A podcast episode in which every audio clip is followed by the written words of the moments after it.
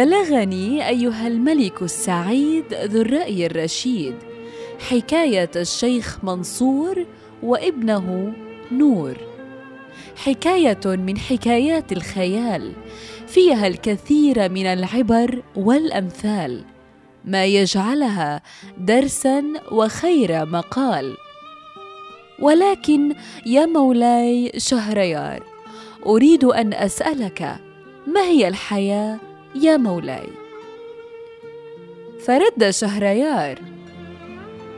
إنها أنفاس معدودة في أوقات محدودة.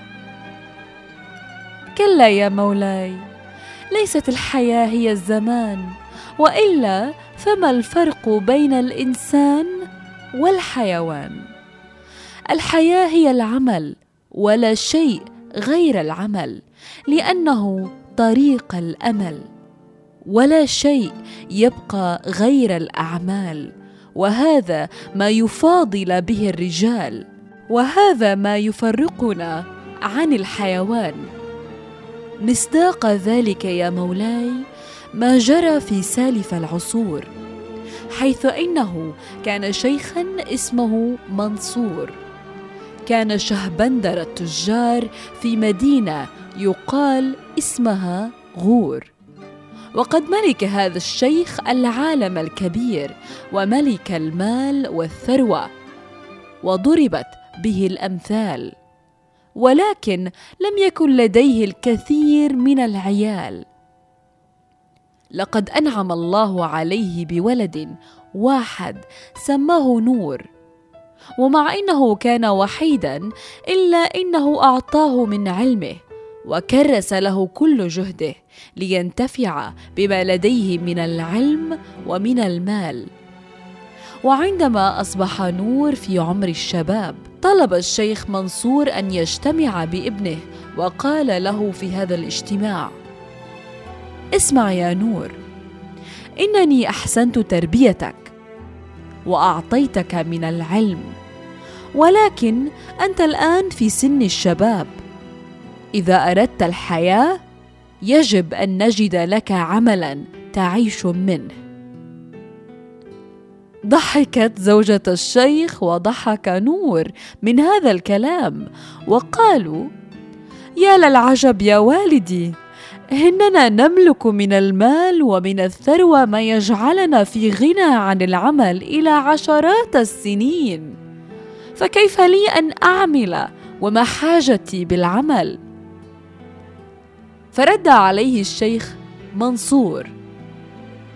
يجب أن يكون لك عملا ولا يجب عليك أن تعتمد على مالي وثروتي وعليك أن تخرج وتبحث عن عمل. لقد أعطيتك يا نور سر الحياة وهو العلم وعليك أن تستفيد من هذا العلم. واجعل مالي وثروتي وراء ظهرك. وبالفعل أطاع نور أمر والده وخرج من قصر أبيه وخلع عنه ثيابه الفاخرة وذهب باحثا عن العمل. أخذ يجوب الأسواق في الليل والنهار ويسأل ويبحث بين التجار. وبعد أن انقضى يومين اجتمع نور بأبيه منصور وعن سؤاله ماذا فعل؟ رد وهو فخور. نعم يا والدي لقد وجدت عملا. لقد عملت في النجارة أحمل الخشب والمنشار. فرد الشيخ منصور. أحسنت يا نور. النجارة عمل شريف ومهنته مهمة. أحسنت يا بني. ولكن هل أخذت اجرا على هذا العمل؟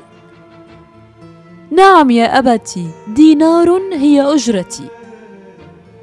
أحسنت يا نور أعطني هذا الدينار. سلم نور الدينار لأبيه وما إن أخذ الشيخ منصور الدينار وإذا به يرميه من الشباك. تعجب نور ولكنه لم يحرك ساكنا.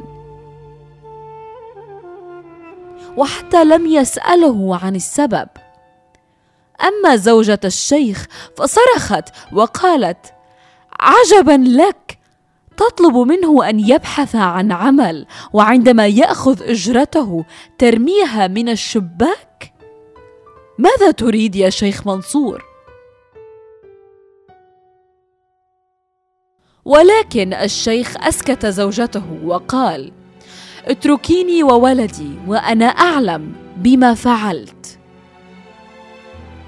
وبالفعل خرج نور مرة أخرى باحثا عن عمل كما نصحه أبيه. وبعد أن انقضى يومين اجتمع الشيخ منصور بابنه نور وسأله عما فعل. جاء نور بنفس السرور وهو فخور ويقول نعم يا والدي لقد وجدت عملا. إنها الحدادة.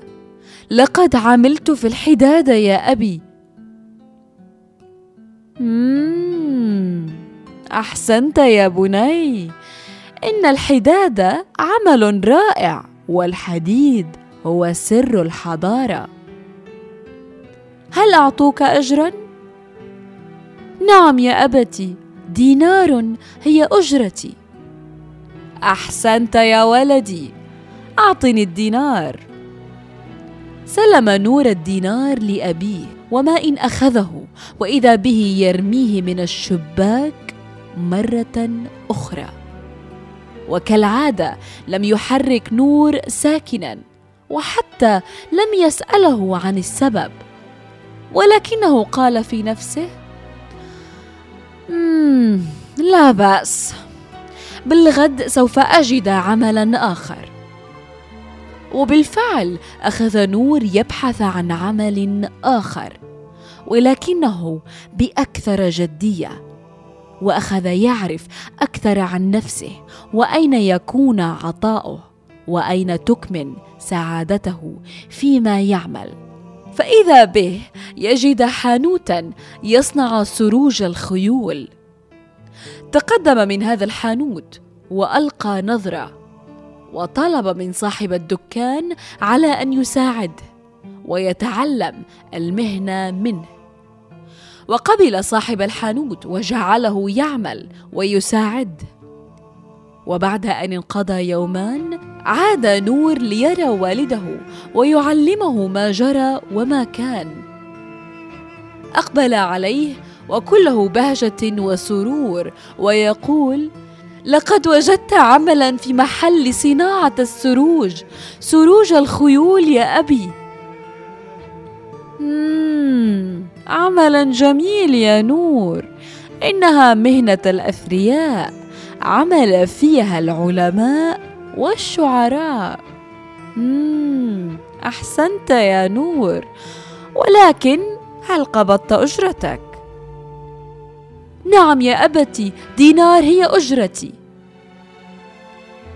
وما إن أخذ الشيخ الدينار وهم برميه من الشباك صرخ نور. لا لا يا أبي لا أرجوك لا تفعل. هذا الدينار لا يمكن لك أن ترميه. أرجوك لا يا أبي.